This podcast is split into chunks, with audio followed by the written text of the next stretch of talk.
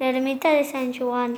De casa vam sortir i caminant cap a l'escola ens vam divertir.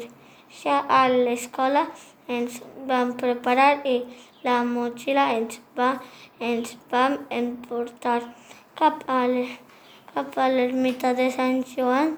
Tots hi vam anar. La senyoreta Marta i Anna ens van acompany- acompanyar. Vam fer dos proves i la Mona va menjar.